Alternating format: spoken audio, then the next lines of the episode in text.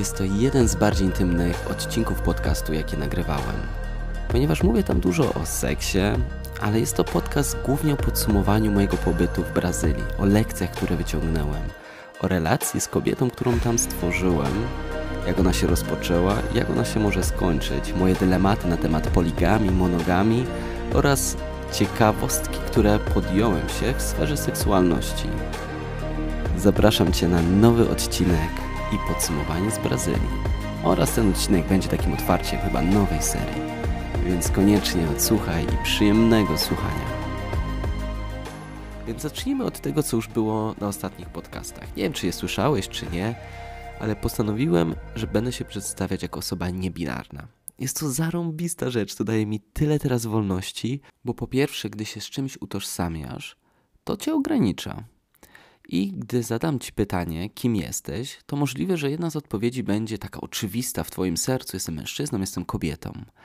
A co gdyby się tego pozbyć? To nie chodzi o to, żeby teraz wyrzec się tego, że płciowo masz penisa lub joni. Jednak chodzi o to, aby zrzucić wszystkie przekonania na temat tego, jak mężczyzna lub jak kobieta powinni się zachowywać, co jest męskie, a co jest kobiece, tylko pozwolenie sobie na bycie sobą. I to, co już widzę po tych kilku miesiącach praktykowania takiej tożsamości niebinar niebinarnej. Piękne w tym określeniu jest też to, że ono nie ma określenia tak naprawdę, i jeszcze przynajmniej takiej stricte definicji. Jest to tak naprawdę coś nieokreślonego. I już teraz widzę, że pozwalam sobie na dużo większą autentyczność, na bycie w niektórych momentach bardzo emocjonalne, pozwolenie sobie na niesamowitą, nie wiem jak to nawet nazwać, szczęście, które w tym momencie też płyną mi łzy, więc ta, ta emocjonalność się wzmocniła, ale tym samym wzmocniła też się moja pewność siebie, moja decyzyjność, więc można powiedzieć w tym starym takim schemacie moje takie cechy, które mówi się, że są bardziej męskie, ale właśnie już nie ma, że mówimy bardziej męskie, damskie, po prostu jest się autentycznym, jest się sobą, kocha się człowieka, a nie płeć. I kocham siebie, a nie to, że jestem mężczyzną, kobietą czy czymkolwiek. Po prostu jestem, jestem i tyle to wystarczy. Kolejna bardzo ważna lekcja. The best is yet to come. Najlepsze przede mną. Jejku, to jest piękne uczucie, które w sobie mam.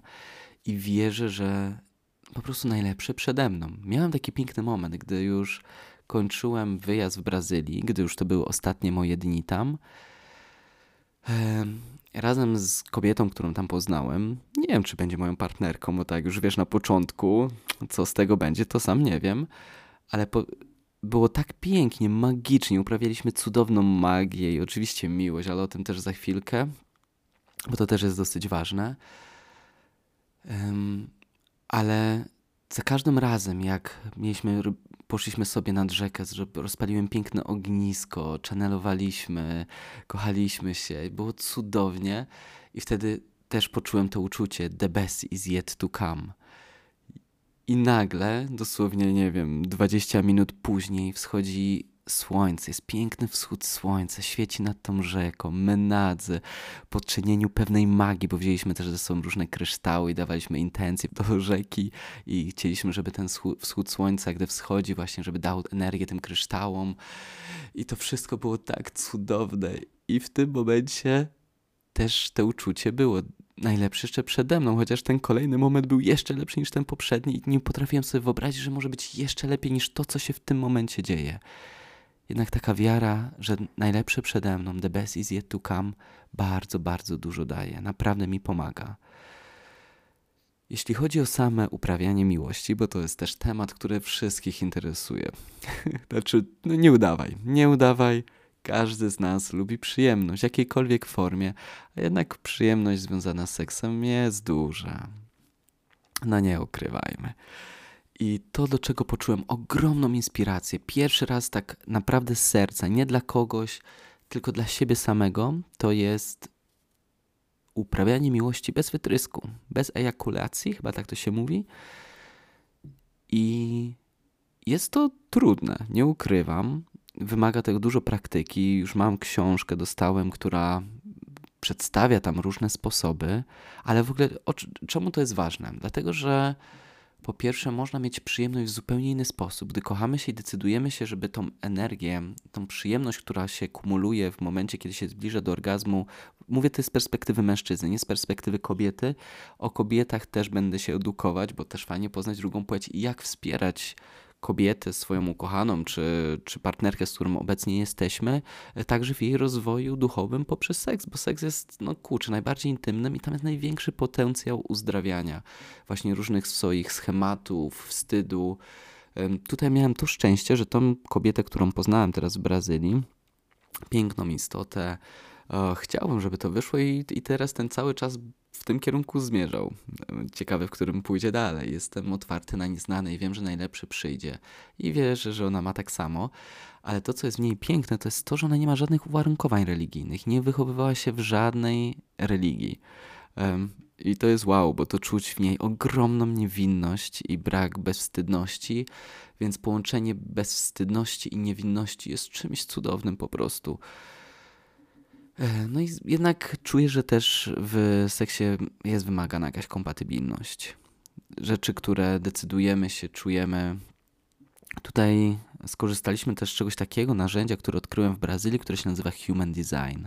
Jest to połączenie różnej wiedzy takiej astrologicznej. Kurczę, nie lubię strasznie różnych horoskopów, takich rzeczy i dlatego byłem sceptyczny i nadal jestem, ale ten Human Design coś w sobie ma. Dla mnie w tamtym momencie było najważniejsze to, że ona odkryła, że mamy połączenie tantryczne i kurde, no coś w tym było jednak.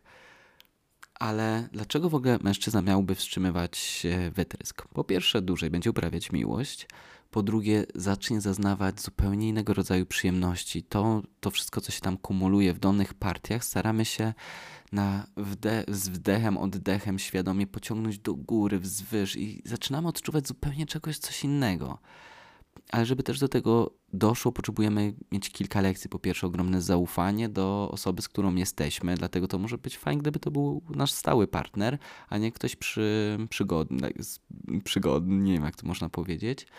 Druga ważna rzecz jest taka, żeby zapomnieć, co wiemy o seksie.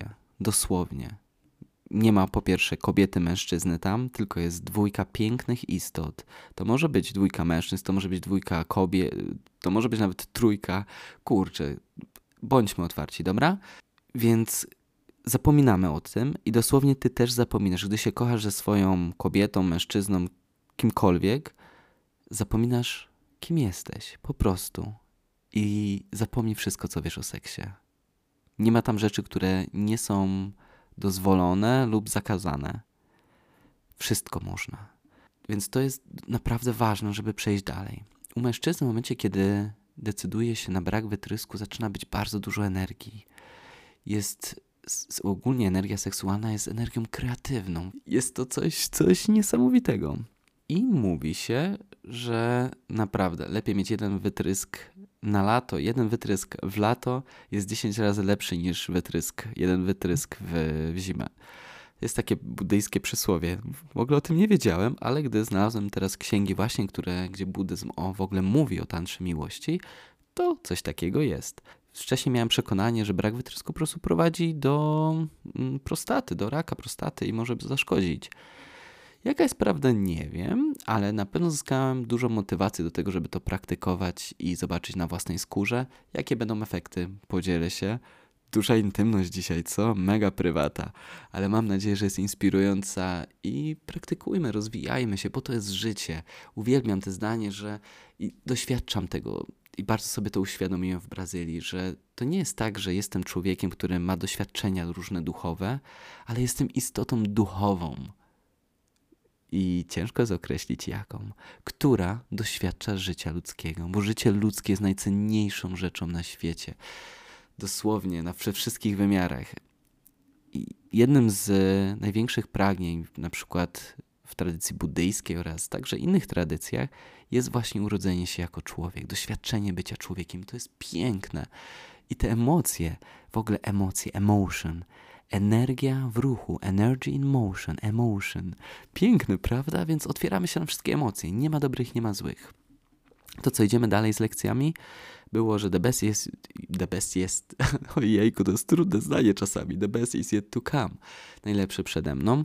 Powiedziałem wam o pięknej miłości, wstrzymywaniu wytrysku, co jest ach, dziwna sprawa, że się tym dzielę, ale poczułem, że to jest naprawdę ważne, bo taka właśnie była lekcja z Brazylii, więc bądźmy szczerzy, wyciągnijmy, tiu, wyciągnijmy kij z tyłka i lećmy do, do przodu. Kolejna sprawa. How to stop the war. Jak zatrzymać wojnę? To była gruba lekcja. Myślę, że dla nas wszystkich jest grubą lekcją, co Mia w ogóle miałem takie doświadczenie, które jeszcze było przed wybuchem wojny. Jeden z moich znajomych, który jest właśnie pochodzenia niemieckiego, wychowywał się w Kanadzie, ale jednak ma i ten niemiecki akcent. Można powiedzieć, jest Niemczech. Jest to ważne w tej historii. Jest świetnym nauczycielem oddychania właśnie holotropowego, pracy w ogóle z oddechem um, oraz coachem i zaproponował mi wieczorem, żebyśmy zrobili właśnie taką głęboką sesję oddechową naprzeciwko siebie i zaczęliśmy to robić i mój umysł właśnie poprzez samą pracę z oddechem zaczął wchodzić w zupełnie inny stan świadomości. Całkowicie się temu poddawałem, relaksowałem swoje ciało, ale moje ciało zaczęło mnie prowadzić. Nagle moje ręce dałem za tył głowy, zacząłem się kul, kuleć i zacząłem się czuć jak jakiś polski żołnierz, który właśnie jest nad, nade mną jest jakiś niemiecki żołnierz, który grozi mi bronią, że mnie zaraz zabije. Poczułem jakąś taką złość, jakiś bunt, czułem bezsilność.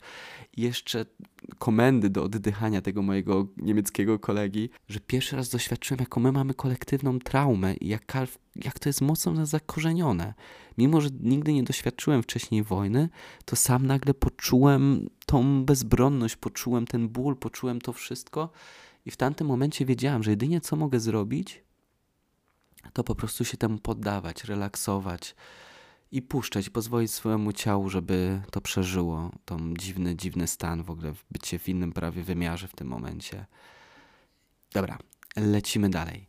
Więc w momencie, kiedy wybuchła wojna, to był dla mnie gruby temat. Zacząłem się zastanawiać i rozmawiać z innymi osobami. I pierwszy taki wniosek, zastanów się, kto wybrał pierwszą czy drugą wojnę światową. Tam wojna zawsze prowadzi do dwóch przegranych, do samych ofiar. Więc jak wygrać wojnę? Zadaj sobie teraz te pytanie do serca. Jak wygrać cholera wojnę?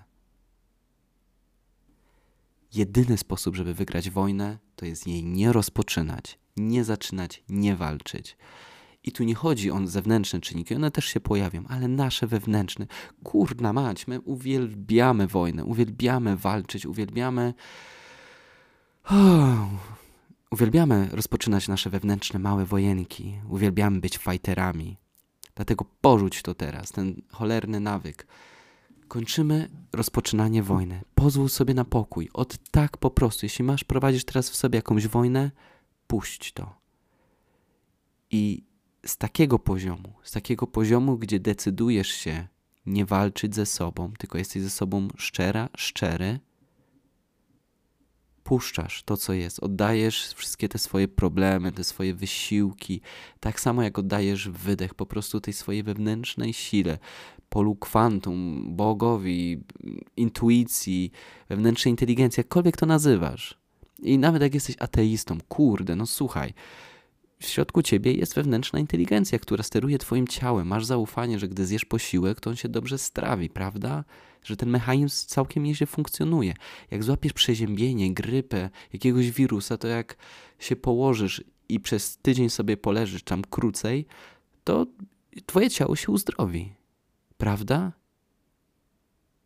No nie oszukujmy się, taka jest prawda. Nasze ciało ma zdolność uzdrawiania się. Jak się przetniesz, to nagle rana się zagoi. Może nie nagle, ale się zagoi. Więc oddaj to, co teraz walczysz. Jeśli czujesz teraz lęk, ból, zrelaksuj to, co możesz zrelaksować teraz w ciele. Weź głęboki wdech, z wydechem to zrelaksuj, a resztę oddaj tej sile. Dokładnie tak, jak oddajesz, gdy po prostu robisz wydech. I zaufaj. Porzuć walkę. I dopiero z takiego stanu możesz działać. Jeśli chcesz pomagać, pomagaj. Jeśli chcesz wspierać w różne sposoby, wspieraj, ale niech to będzie z czystości umysłu. Wojna tworzy wojnę, ogień dodaje więcej ognia.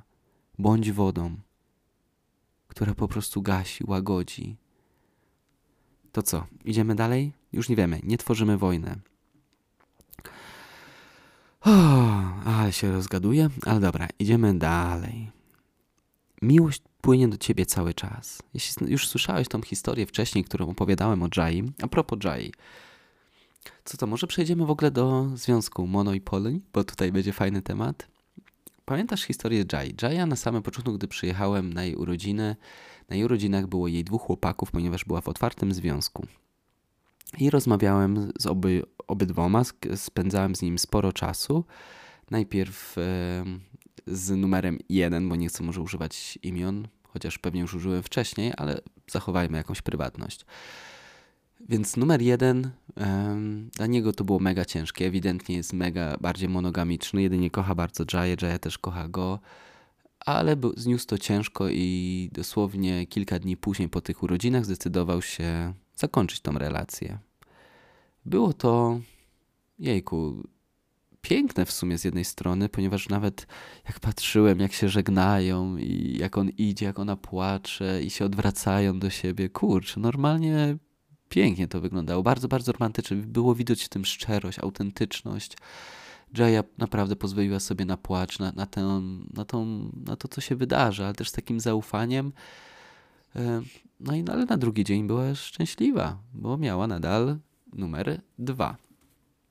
Ale co się stało z numerem dwa? Numer dwa był w sumie z całą sytuacją, mówi, że było dla niego dziwne, ale że kocha Jaję i najważniejsze dla niego jest to, żeby po prostu z nią być.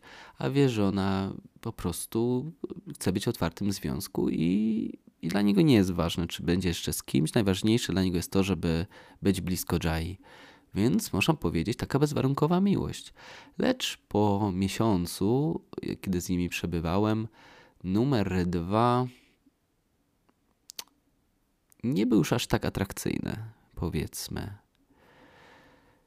Potrzebowali po prostu trochę przerwy. Pojawiła się tam większa przyjaźń, taka lekkość w tym wszystkim, ale ich chyba nie było zaangażowania. Co się wydarzyło dalej? Jaya pojechała z, ze swoimi przyjaciółmi, ze swoją rodziną na wakacje i tam poznała kogoś nowego.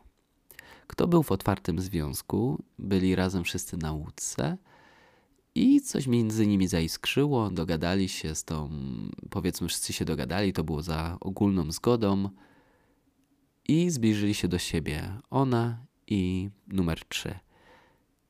Co się wydarzyło? Zaiskrzyły między tak, nimi, tak zaiskrzyło mocno między nimi, że kobieta, która tam była w, i była w tym otwartym związku razem z tym numerem 3, zdecydowała się odejść a Jaya i numer 3 tak się zakochali, że uznali, że są w związku monogamicznym. No i teraz przejdźmy do mnie. Hmm. Więc wróciłem do Polski i kurczę, cudownie było. Ostatni raz, jak miałem relację na dystans, to bardzo źle to znosiłem. Wszystkie jakieś moje wounds, takie rany z przeszłości zaczęły wychodzić. Jednak teraz to pozwalam sobie uzdrawiać. Nie czuję, że to chodzi właśnie o tą relację, o tą kobietę, tylko że to chodzi po prostu o uwolnienie tych emocji. I robię dokładnie to, co ci powiedziałem. Stosuję sam się do moich rad. Czyli po prostu oddaję ten ciężar, ten ból, ten lęk, tę niepewność i pozwalam sobie na zaufanie, że najlepsze przede mną. I faktycznie ten miesiąc super wyszedł. No i jednak dostałem teraz propozycję otwartego związku. Powodem było to, że bo układ był taki, ponieważ już ta partnerka mi mówiła na początku, że dla niej bardzo ważna jest po prostu wolność, swoboda, bycie, poczucie wolności i autentyczności w każdej sytuacji. I powiedziałem, dobra, niech tak będzie. Jedynie co cię proszę, że jeśli poczujesz, że jeśli chcesz się z kimś całować lub kochać, po prostu zanim to uczynisz, zadzwoń do mnie. Porozmawiajmy. Może może też mi się ta osoba spodoba, może coś mi się zmieni, może będę w takim stanie mentalnym, że wszystko będzie ok, ale jednak jak dzisiaj o tym mówię, no to raczej w tym momencie z tobą zerwę. W sensie zakończę tą relację. I, I w sumie układ był spoko. Mi ją pasował, jej też w sumie chyba pasował, no właśnie do czasu, bo poczuła, że mimo wszystko blokuje coś, że boi się mnie zranić i czuje, że jakiś przepływ jest zablokowany. To I teraz tu jest właśnie ta różnica mentalności. Przede wszystkim miasteczku, którym, którym byłem, czyli i do którego chcę wrócić, tam jest duża właśnie taka wolność seksualna, e, biseksualność, otwarte związki. I dla nich miłość, jeśli Jay, nie Jay, tylko moja partnerka by z kimś spała, to dla niej w żaden sposób to nie oznacza, że kocha mniej. To tak jak masz przyjaciół. Jeśli masz przyjaciela, to ten jeden przyjaciel, jak poznasz nowego przyjaciela, to znaczy, że tamten przyjaciel traci na wartości albo jest mniej ważnym przyjacielem? Nie. Też mam takie doświadczenie. Jednak sam w sobie czuję, że jestem monogamiczny na dzień dzisiejszy. Przede wszystkim dla mnie ważna jest komunikacja, bliskość, poczucie wsparcia i lubię spokój. Czym więcej ludzi, tym więcej dram. Więc jedyny sposób na dzień dzisiejszy, jak widzę, mógłbym być w otwartym lub poligamicznym związku, to jest taki, że jestem najpierw z jedną osobą, uczymy się siebie, poznajemy, pogłębiamy tą relację i, i delektujemy się sobą. I z czasem może kogoś poznamy, może jedną osobę, czy to będzie kobieta, czy mężczyzna, może parę, których oboje, że zawsze musi być wszystko konsensualne, czyli za obu, za zgodą wszystkich. Jeśli wszyscy się zgodzą, to i okej, okay, do czego zmierzam? Jeśli poznamy parę i wszyscy się naprawdę w sobie zakochamy, bo uznamy, że jesteśmy po prostu super rodzinką, to stworzymy rodzinkę właśnie poligamiczną. Czemu nie? Jak będzie, nie mam pojęcia. Czemu gdybać? Nie ma sensu. Jednak tak to widzę. A nie, że się cały czas, nie wiem, dla mnie ważne jest właśnie to zaangażowanie, poczucie bezpieczeństwa. Jak mówiłem o różnych tripach, o jałasce, o tych rzeczach, mówiłem, że najważniejszy jest set, najważniejsze jest poczucie bezpieczeństwa. I dokładnie to samo czuję w seksie. Nigdy nie spałem z kimś, nie, nie mówię, że to się nie zmieni, bo może właśnie tego muszę się nauczyć, muszę się otworzyć. Nie mam pojęcia. Nie mam pojęcia, kto tutaj ma rację, jak to ma wyglądać, ale dla mnie zawsze to było, potrzebowałem zaufać, potrzebowałem poznać, pogadać. I w momencie, kiedy poznaję, to się otwieram i, i angażuję. Po prostu otwieram i chcę emocjonalnie wejść w to głębiej, bo to jest dla mnie sexy. To, gdy też kogoś zaczynamy znać, zaczynamy wchodzić dosłownie, penetrować emocjonalnie, fizycznie i pod każdym innym względem wchodzimy na najgłębszy sposób, jaki się da. Wtedy to wszystko ma sens. Ale co ja mogę tak naprawdę wiedzieć? Dopiero się otwieram, dopiero się uczę i mogę się mylić. I najprawdopodobniej w dużej mierze pewnie się mylę i po jakiejś części mam rację. Doświadczam, sprawdzam, doświadczam, co to znaczy być człowiekiem i dam ci znać, jakie są moje wnioski. A może ty masz już wnioski? Czy wyobrażasz sobie, czy widzisz jakieś korzyści z otwartego związku i w jaki sposób to mogłoby być pomocne? Ja na pewno widzę, że no nie wiem, dla mnie na dzień dzisiejszy nie potrafię sobie tego wyobrazić i ze wszystkimi, którzy rozmawia, który, z którymi rozmawiałem w swojej bańce towarzyskiej, zwłaszcza tutaj w Polsce, ale też za granicą, dzwoniłem do kilku osób, rozmawiałem właśnie z tym przyjacielem z Niemiec, e, który mieszka w Kanadzie i wszyscy raczej mówili, że związek monogamiczny jest ważny I przeczytam Ci jedną odpowiedź, o którego otrzymałem od naprawdę bardzo mądrego człowieka, którego uwielbiam słyszeć jego rady.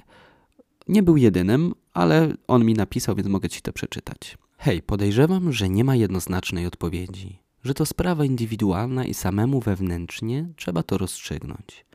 Jeśli to autentyczna miłość, to dla mnie jest zrozumiałe chęć bycia tylko dla siebie nawzajem, w tym znaczeniu partnerskim – i nawet jak czasami kusi, bo spotykamy inne wspaniałe istoty, to jednak dokonujemy wyboru i wybieramy tę najistotniejszą relację. To częściej właśnie nienasycone ego szuka dodatkowych atrakcji. Uczeń zapytał kiedyś Kalu Rinpoche, czy lepiej być z jedną czy z dwoma partnerkami. Kalu odpowiedział, lepiej bądź z jedną, wtedy tylko jedną unieszczęśliwisz. Myślę, że lepiej być z jedną osobą, ale na całego dobrej nocy. Co ty na taką odpowiedź? Kurczę, ale ze mną to zarezonowało. Ale nie oceniajmy, bo jak zacząłem otwierać się na ludzi spoza mojej bańki i rozmawiałem z ludźmi właśnie z tego miasteczka, jedną z moich przyjaciółek, którą tam poznałem, to ona mówi, że nie wyobraża sobie być w związku monogamicznym. Dla niej to, to, że kogoś kocha bardzo i chce się w nim zaangażować, że jest główną parą, nie rozumie, dlaczego miałaby nie móc się pokochać albo całować z kimś innym. Po prostu w ogóle nie ma jej to mentalności. W sensie nie rozumie, w jaki sposób relacja, bliskość czy miłość do, do swojego ukochanego miałaby na tym ucierpieć. I w ogóle, gdy słyszałem i szczerość w tych słowach, była dla mnie niepokojąca. I wiem, że mojej partnerki nie mogę ograniczyć. To jest jej świadomy wybór. Ten temat już na dzień dzisiejszy trwa tydzień, więc otwieram się na wszystko. Mm, więc nie wiem, jak będzie. Naprawdę nie wiem. Ach, te relacje. Powiem wam, uczę się ich, uczę się ich, uczę się i... Ale chyba najpiękniejsze jest to, teraz jak wróciłem do Polski, to potrzebuję przede wszystkim znajdywać przyjemność i szczęście będąc samemu ze sobą, ponieważ nie ma tutaj partnerki. Druga rzecz, nie czuję, że dobrym sposobem jest szukanie na siłę. W ogóle tą partnerkę w Brazylii poznałem już w momencie, kiedy poczułem naprawdę odpuszczenie szukania jakiejkolwiek relacji. Zacząłem mieszkać sobie nad rzeką, miałem piękną rutynę, zacząłem sobie tam pracować i mega dobrze zacząłem czuć się sobą i puściłem takie jakieś właśnie szukanie. I poczułem, że chcę się bardziej ustatkować tam, chcę zobaczyć, jak się tam będzie mieszkać, że faktycznie może się tam wprowadzę do Brazylii i zdecydowałem się wynająć mieszkanie. I dostałem ofertę, znalazłem taką dziewczynę, która powiedziała właśnie, że chętnie wynajmie mieszkanie na jakiś krótki okres, bo wyjeżdża i żebym wpadł zobaczyć mieszkanie. I to była właśnie ona, Marina. Gdy wszedłem do mieszkania, mieszkanko egzotyczne, fajne,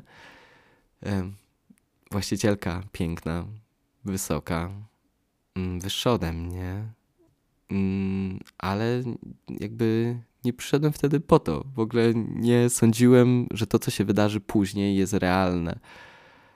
A jednak było.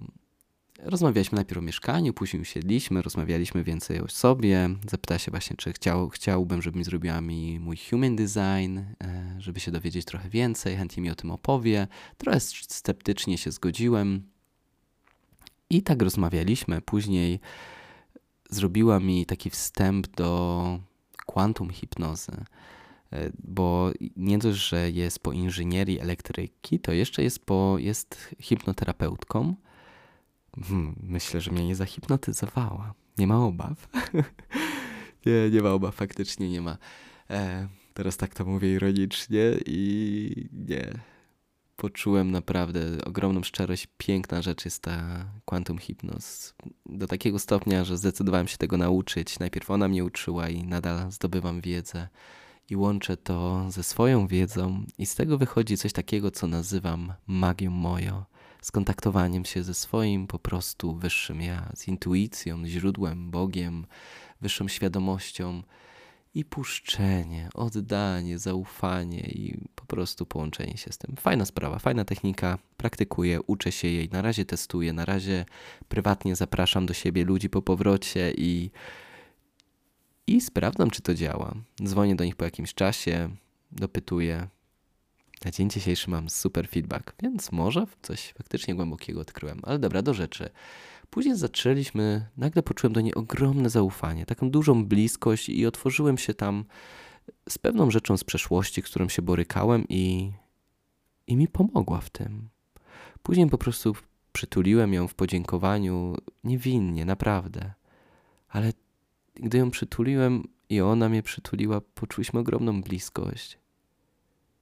I zostałem wtedy na noc. Jakby nie, nie kochaliśmy się, powiedzmy, wtedy. To dopiero na drugi dzień, tak w całości powiedzmy, ale ten pierwszy dzień był cudowną nocą. Bardzo dużo bliskości, takiej szczerości, niewinności. I rano po tej nocy powiedziała mi, że mnie kocha. To, co zrobiłem, to udałem, że tego nie słyszę, bo to było dla mnie tak szokujące, tak uznałem, że się przesłyszałem. Jednak wieczorem, ponieważ postanowiła, że jednak nie wyjeżdża i zostaje, więc wynająłem to mieszkanie razem z nią na pół. Mm.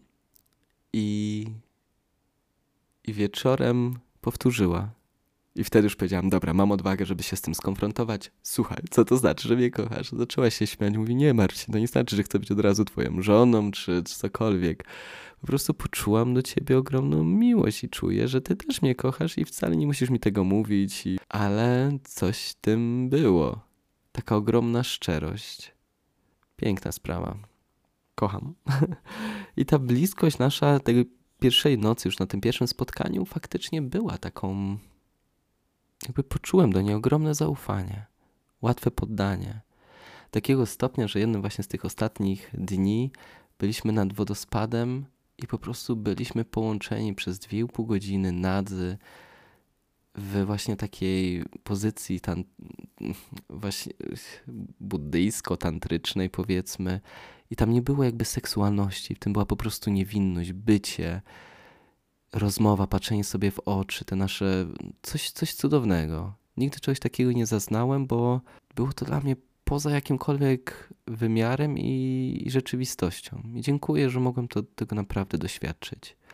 Ale dobra, bo zaczynam się już być też późno, jest już pierwsza w nocy, ale zazwyczaj chodzę teraz koło właśnie tak w pół do pierwszej w nocy spać, więc zaczynam być zmęczony. Dlatego przejdźmy kolejną lekcję.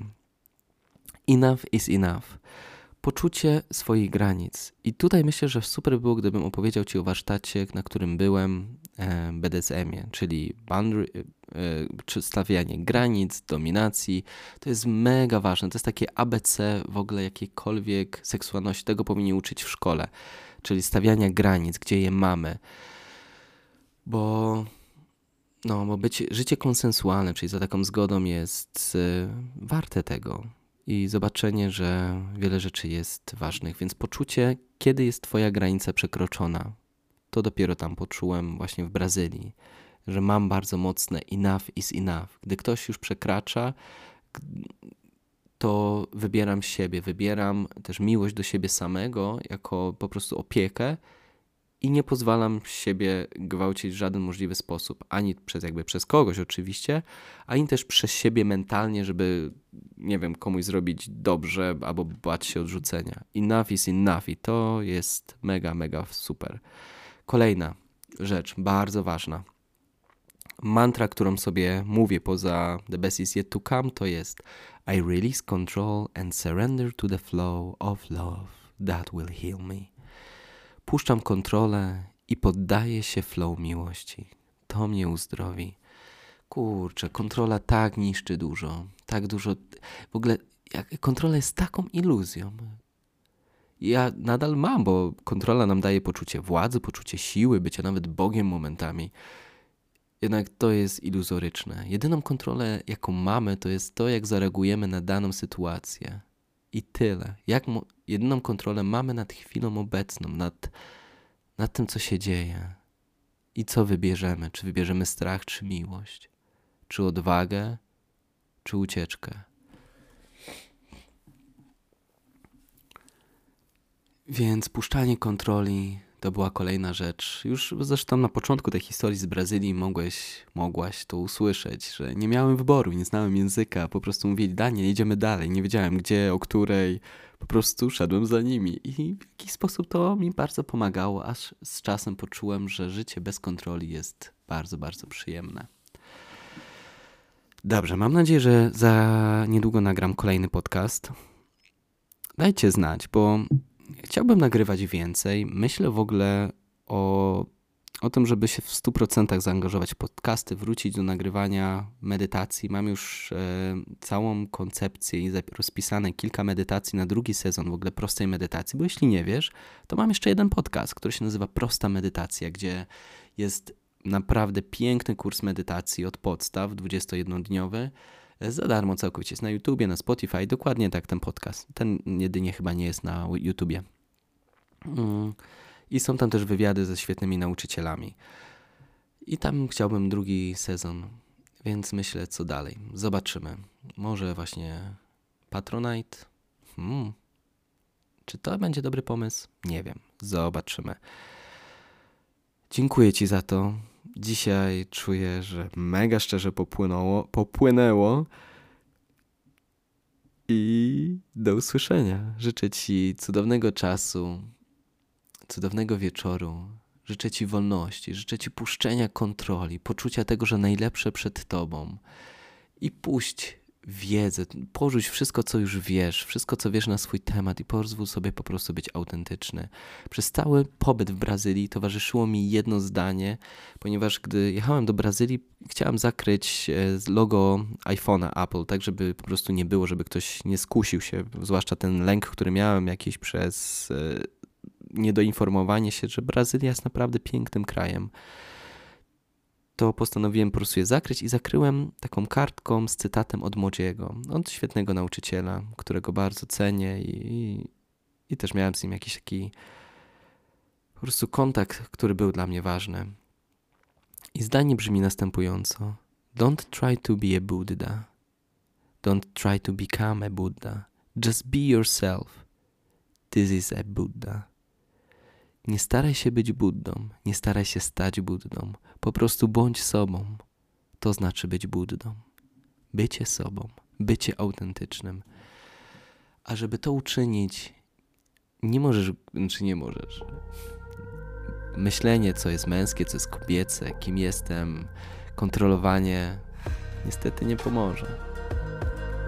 Życzę Ci jeszcze raz cudownego wieczoru i do usłyszenia, przyjaciółko, przyjacielu bracie, siostro, kimkolwiek jesteś. Do usłyszenia.